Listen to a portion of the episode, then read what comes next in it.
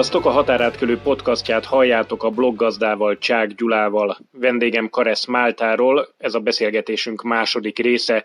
Pár hete hallhattátok az elsőt, amiben arról volt szó, hogy hogyan került Máltára, miért jó ott élni, mi lepte meg a legjobban, milyen az ügyintézés, milyenek a helyi magyarok. Innen folytattuk a beszélgetést, azt kérdeztem tőle először, hogy a benyomásai szerint milyen nemzetiségű határátkelőből van a legtöbb a szigeten nagyon összetett a kérdés, és nem tudom a statisztikát, de érzésre mondom azt, hogy miket eh, tapasztalok. A délszláv háború óta például nagyon sok szerb menekült oda és költözött oda, és a mai napig egyébként még jönnek úgy is, hogy egyébként Szerbia nem EU-s tagállam, és borzasztó nehéznek tűnik most már például EU-n kívüli munkavállalókat bevinni, mert annyira megnehezítették papír munka szempontjából, hogy ők elhelyezkedjenek. Ők egy elég masszív réteg. Én azért azt látom, nagyon sok magyar is van, de nem tudnám megmondani, hogy hányan. Én Sacper kb. azt mondanám, hogy pár ezer ember tutira ott dolgozik és él. Pár éve ugye... Brit nyugdíjasok? Brit nyugdíjasok abszolút, és rájuk egy külön egy, egy jó pár iparág alakult, és az ő igényeiknek kiszolgálására importálnak olyan élelmiszereket is direktben Angliából, amiket jellemzően inkább ők ennének meg szerintem csak és kizárólag. De az elmúlt években ugye adókedvezménnyel próbálja a máltai kormányzat oda csábítani például az iGaming, tehát az online szerencsejátékipari szolgáltató központokat, meg cégeket, és ők át is teszik szépen a székelyüket nyilván, mert adómentességet kapnak, és egyébként is egy eléggé hát fogalmazunk úgy, hogy ez a, ez a szicíliai rész, ez, ez a közelsége, hát most nem mondom azt, hogy ez egy... Kulturálisan ott van. Igen, igen, igen, mondjuk úgy, hogy azért rá, rányomja a hatását azért, hogy, hogy hogyan működjenek, és ez azt jelenti, hogy azokban az országokban, ahol ugye ez normális piaci körülmények között működik, és itt főleg a skandináv országokra gondolunk, azok a szerencsejáték cégek, azoknak az alkalmazottai szintén nagyon feltúsították a helyi piacot. Most már egy olyan szinten megy egyébként ez a dolog, hogy pont az ő bérszintjükhöz, meg lehetőségeikhez mérten a bérleti piac is olyan szinten elszállt árakkal, amit a helyiek például sokszor meg sem tudnak fizetni, és ezért borzasztóan panaszkodnak érthető okokból, mert az milyen, hogy gyakorlatilag ott vannak ők fiatalok pályakezdők, és esélyük nincs arra, hogy gyakorlatilag elköltözzenek otthonról. Tehát átlagosan egy máltai valami 35 év körüli korban költözik el otthonról, akkor is jellemzően azért, mert összeházasodik a párjával, és gyakorlatilag akkor közösen úgy alapítanak életet, de ebbe az átlagban, az átlag 35-ben az is benne van, aki 40 évesen még mindig a szüleivel lakik, tehát ez, ez azért nem egészen normális szerintem a mi fogalmaink szerint. Ráadásul ugye gondolom, miután ez egy sziget, tehát nehéz is terjeszkedni, tehát bizonyos adottságok azért behatárolják, hogy mennyi meg hány ingatlant meg hol lehet építeni, és nyilván a, gondolom, hogy az ilyen sziklásabb, hegyesebb részeken azért nehezebb, nem? Megoldják. Tehát, hogyha arról van szó, megoldják, és... Csak össze ne dőljön. Igen, igen, csak, csak arra kell vigyázni, és ez, ez sajnos nem egészen olyan minőségben épülnek a mai ingatlanok, olyan rohamtempóban húzzák fel a, hát egy ilyen vadnyugati körülmények közötti szabályozásilag lehet mondani ezt szerintem, hogy nagyon lazán kezelik ezeket a dolgokat, ugyanakkor például nem egyszerű engedélyeket beszerezni, de valahogy mégis ezek az arcok, ezek meg tudják oldani, és, és ellenőrzés meg nincs. Tehát minden héten van egy pár olyan, olyan képes beszámoló és poszt ezekben a csoportokban, ahol bemutatják, hogy ezek a, hát az a modernkori rabszolgaságnak nyugodtan mondhatjuk, amikor ide jönnek indiai, pakisztáni, meg, meg más egyéb ilyen országokból szerencsétlen sorsú munkavállalók, meg akár afrikaiak is, és, és őket mindenféle munkavédelmi felszerelés nélkül kiküldenek úgy bontásra, építkezésre, hogy bármikor rájuk omolhat, lezuhanhatnak, meghalhatnának, és egyszerűen nem látni azt, hogy, hogy ezt próbálják így a munkavédelmi szabályokat például az építkezéseken betartani. Visszatérve a nemzetiségekre azért jellemzőbben azért már ilyen közegekből, meg ilyen országokból is ugyanúgy akár a távol tehát a Fülöp-szigetekről rengeteg hölgyemény érkezik, akik, akik jellemzően takarítással és, és olyan uh, olcsó munkaerőként szerepelnek ugye a piacon, és, és ők megoldják azt, hogy akár egy ilyen három hálószobás lakásban 80-10 laknak, és akkor úgy már be tudják vállalni a, a bérleti díjat, de én nem mondanám azt, hogy ez például így normális, vagy hogy erre kellene menni. Olvastam egy olyan kommentet, amiben valaki azt mondta, hogy gyakorlatilag a helyi kormányzat szinte egy ilyen kis Dubájt szeretne ott Máltán létrehozni, és e felé megy ez az egész történet. Hát igen, csak ugye az a fajta olaj, vagyon, meg háttér, ami az arab országokban ott van, az, az Máltán nincs.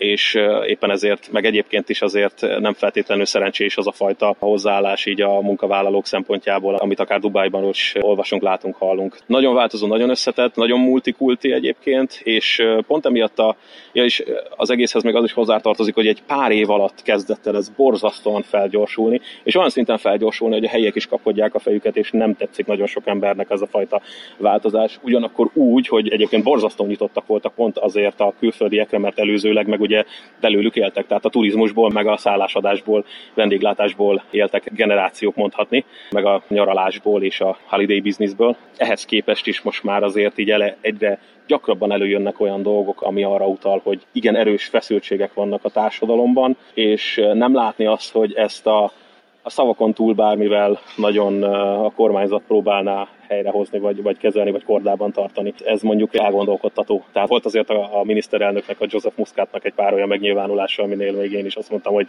felhúztam a szemöldökömet, hogy ez most tényleg komolyan gondolta tehát hogy kiült a tévében egy tévés vitában most a EU-s választások előtt, és konkrétan azt mondta, hogy ő igenis azt szeretné, hogy inkább külföldiek görnédezve szedjék össze a szemetet, meg csinálják meg azokat a szarmelókat, amiket nem szeretné, hogyha a helyiek kellene, hogy elvégezzék, mert igenis nekik inkább a jobban fizető jobb állásokat szeretnék. Ami alapvetően egyébként egy érthető dolog lenne, de azért ezt így kimondva ilyen szinten azért nekem már ez, ez már sok, mert nem feltétlenül csak azért, mert valaki helyben született meg Málta, attól még nem lesz feltétlenül okosabb, szebb, mint akár egy, egy külföldi, és most nem menjünk bele ennél jobban a részletekbe.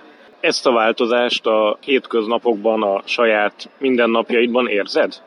Én ugye három éve lakom ott, és ahhoz képest is sok minden változott, de, de nem annyit, mint akik teszem azt mondjuk már ott élnek, ne Isten 8-10 vagy akár több éve, tehát ők ezt tapasztalhatják, hogy milyen változások láthatóak, és ők mesélik, vagy mondják azt, hogy ők még emlékeznek, hogy mondjuk itt hogy néztek ki a dolgok, vagy hogy nem ez az épület állt meg, hogy nem, nem ez volt a jellemző, és, és az ő elmondásukból tudok maximum építkezni. Én a magam szempontjából maximum azt látom, hogy, hogy változik egy kicsit az összetétel. Fogalmazunk úgy, és most nem a pókorettség jegyében, de több barnább bőrű embert látok a környékemen, mint korábban. Nem vannék olyan szempontból párhuzamot, mert egész egyszerűen, hogyha valaki teszem azt egy adott környéken mozog inkább, meg ott dolgozik és él, akkor nem feltétlenül találkozik olyan számban olyan emberekkel, mint amit, amit esetleg mások egy más iparágban dolgozva teszem azt. Vendéglátóban azt látják, hogy mondjuk a konyhán csak fekete emberek dolgoznak. Tehát, hogy ez is, ez is változó. Én ugye akkor eléggé sokszor bejárom a szigetet, meg látom, hogy ott az utcán is mik mennek, és,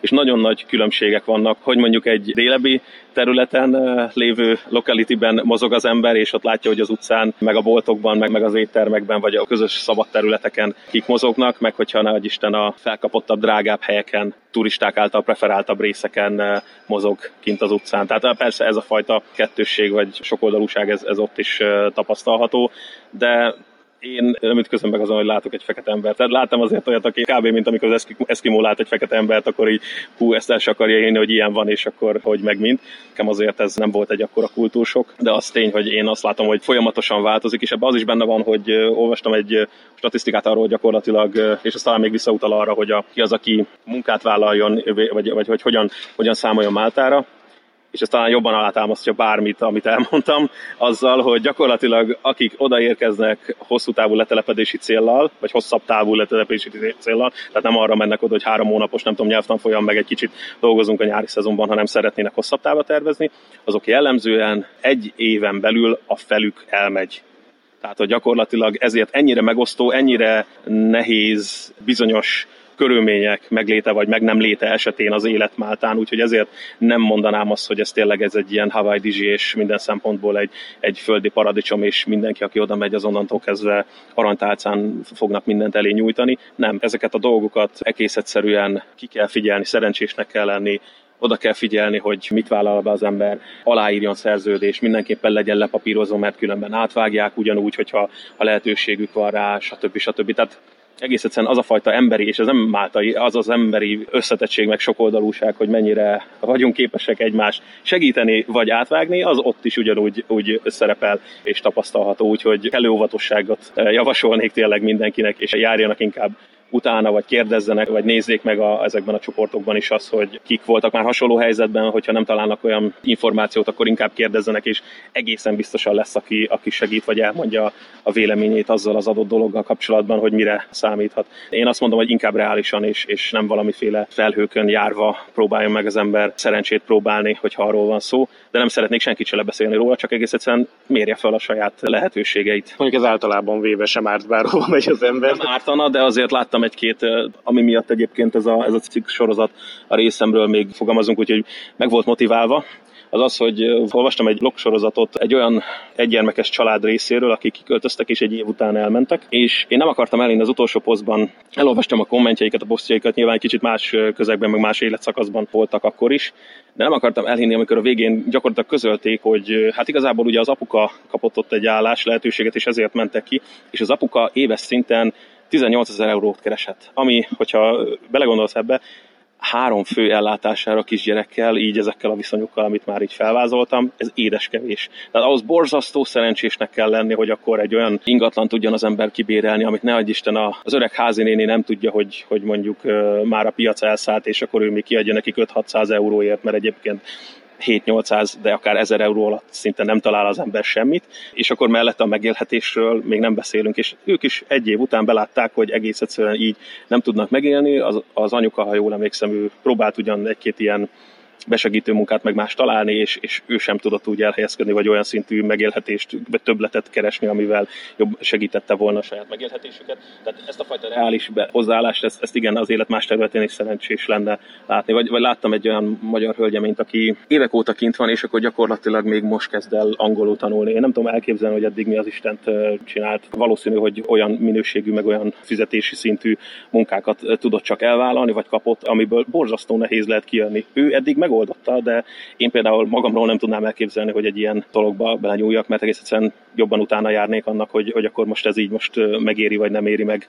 meg hogy érdemes-e ilyesmibe ilyen szinten belevágni, de szerintem nem lehet eléggé kihangsúlyozni, hogy az ember inkább járjon utána, ha még sose járt Máltán, akkor vegye a fáradtságot, relatíve olcsón ki lehet fogni. Fapados repégyeket, menjen ki egy hétre, nézzen szét, mennyire tetszik, próbálkozzon az önéletrajzát vigye magával, azért ezeken a vendéglátóhelyeken azért még a mai napig divat, hogy egyszerűen kirakják az ablakba azt, hogy akkor most help wanted, vagy valami más, nem tudom, kit vesznek föl, kire szükség van mondjuk a konyhán besegítőnek, vagy pincért, vagy akárkit. Egész egyszerűen, ha hagyom az ember, akkor akár ott helyben kaphat munkát, hogyha arról van szó, hogyha már megvan az adott területen a tapasztalata, tehát ez azért jóval rugalmasabban kezelt, és nem arról van szó, hogy nem tudom hány körös interjút kellene elvállalni. Ugyanakkor ismertem egy magyar srácot, aki hónapokig próbált elhelyezkedni, konyhai kisegítői munkát szeretett volna az előző tapasztalatai alapján, vagy munkája alapján elvállalni, és valahogy egész egyszerűen nem választották őt soha. Amit számomra hihetetlen volt, mert nem akartam elhinni, hogy tényleg annyira magas lenne a léc, vagy, vagy annyira speciális dolgokat várnának el. Nem tudtam az összes részletet, csak időről időre, amikor összefutottunk, akkor kérdeztem, hogy mi a helyzet,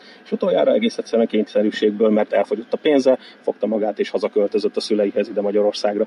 Tehát ilyen, ilyen történetek is vannak, szerintem tucatjával csak nem feltétlenül mindenki fogja azt reklámozni olyan szinten, hogy akkor most, hát nézzétek, én felsültem, és akkor most ez a helyzet próbálkozott, egyébként nem, nem gond az, hogy az ember próbálkozik, csak mérje fel a lehetőségeit, és ne csak a szerencsére, meg ne csak arra, hogy hát ha majd jobb lesz, ezen, erre, erre alapozza az életét, mert azért szerintem annál kicsit hangsúlyosabb az, hogy, az, hogy akkor most hova megy az ember, és mivel fog foglalkozni, mint hogy ahogy esik úgy puffan, akkor nézzük meg, hogy esetleg ne adj Isten sikerül-e. sikerül-e, így van. Neked mik a terveid így közép és hosszú távon? Hát középtávon most éppen úgy látom, hogy még egy darabig maradok. Hosszú távon viszont eredetileg is úgy gondoltam, hogy szeretnék továbbállni. A tapasztalat alapján egyébként tényleg nagyon jó tapasztalatnak az én szempontomból Málta.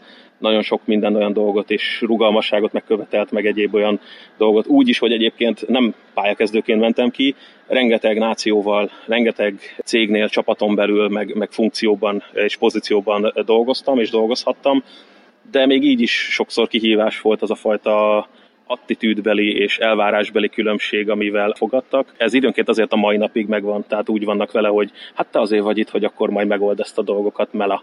És akkor így nagyjából így téged azért fizetnek, hogy mindent oldjál meg, nekem csak az a dolgom, hogy bejárjak ide ebbe a szabadidőcenterbe. Tehát, hogy gyakorlatilag azért van egy-kettő ilyen hozzáállású kollégám is. Tehát hosszabb távon azért azon gondolkoznék, hogy tovább állnék más országba, de semmi konkrétum nincs. Tehát nyilván nézegettem azokat a lehetőségeket, ami nagyon sok embernél felmerül, Ausztrália, Kanada, esetleg Amerika, egyik sem volt annyira száz százalékig egy irányban tökéletes megoldás, és most már úgy vagyok vele, hogy egyrészt van egy ilyen időablak, ami egyre inkább zárul, ameddig az ember még szívesen látják, mert egy bizonyos kor fölött már azért nem annyira szívesen látják ők, ők sem a bevándorlókat. Másrészt pedig, ha most tovább állok, akkor az valamilyen szinten én úgy gondolom, hogy már egy ilyen végleges letelepedési szándékkal kellene, hogy történjen, és pont ezért még alaposabban, még jobban körül fogom azt járni, hogy hogyha valaha tovább lépek, akkor azt hova, mikor és hogyan fogom tenni. Bocsánat, Magyarország benne van a pakliban? Épp ezt akartam mondani. Magyarországon megmondom őszintén, hogy e, időnként azért évente egy pár alkalommal hazajövök, és minden alkalommal látom ugyan a változásokat, de nekem ez mindig egy, egy olyan megerősítés, hogy jól tettem, hogy elmentem ami miatt nem tervezem azt, hogy visszajövök Magyarországra sajnos. Vannak dolgok, meg nyilván a barátaim, az ismerőseim, azok, meg a családom is természetesen hiányzik napi szinten, de nyilván a családommal még talán jobban napi szinten érintkezésben vagyok. Belegondoltam abba, hogy egyébként sem a szülőhelyemben éltem és dolgoztam, mielőtt kiköltöztem volna. Nem sok különbség van a napi kapcsolattartás módjában, az, hogy akkor most a különböző chat applikációkon keresztül, meg videótelefonálási lehetőségeken keresztül hogyan beszélünk, hogy én most Máltán vagyok, vagy akár egy másik városban, itt Magyarországon belül, de persze természetesen ritkábban tudunk találkozni, és ez azért egy fájó pont, de ettől függetlenül nincs olyan szinten honvágyam, és nem is nagyon szokott előjönni, mint amit esetleg másoknál hallok, akik egyszerűen nem tudnak meglenni. Túró Rudi, meg a pacapörköt, meg a nem tudom micsoda nélkül. Korlatilag ez a része megvan. Hogyha nagyon hiányozna valami igazi magyaros konyha, akkor egyébként van egy nagyon jó étterem Slimában, Margaret Island, tehát Margit sziget néven, és gyakorlatilag ott, ott amennyire lehet eredeti alapanyagokból próbálnak főzni, úgyhogy ha nagyon hiányzik mondjuk egy hortobágyi húsos palacsinta, akkor, akkor csak beülök, oda megyek, és gyakorlatilag még akár helyi magyar sört is lehet inni mellé. Úgyhogy a feeling az, az attól függetlenül megvan. Amikor már az ember egy kicsit megcsömörlik a mediterrán konyha, meg a tészta, meg a seafood kínálatától, akkor azért ez megvan. Úgyhogy egy kis trükk, egy kis csalás azért így be van építve a rendszerbe. Azért szerintem ezt mások is, akik olyan helyen laknak, hogy, hogy van erre lehetőségük, akkor azt ugyanúgy azért beiktatják, vagy persze természetesen otthon főznek, vagy, vagy megoldják azt, hogy ismerősök, vendégek hoznak nekik hozzávalókat, és onnantól kezdve már olyan, mintha otthon lennék, nem igaz? Így van. A Határátkörő podcastját hallottátok, Máltáról beszélgettünk. Karesszal én köszönöm szépen, hogy leültél, időt szakítottál gyakorlatilag a magyarországi tartózkodásod során, hogy beszélgessünk egy kicsit, és remélem, hogy nem ez volt az utolsó alkalom. Én is remélem, és köszönöm szépen a lehetőséget. Remélem egy kicsit még jobban árnyaltam azokat a dolgokat, és így már nem annyira a negatívumok jönnek le, mint amit lehet, hogy írásban jobban kihangsúlyoztam. És hogyha valakinek kérdése van, akkor természetesen tegye fel, és hogyha lehetőségünk lesz rá, akkor lesz folytatás, és válaszolunk ezekre a kérdésekre. Így legyen. Köszi szépen.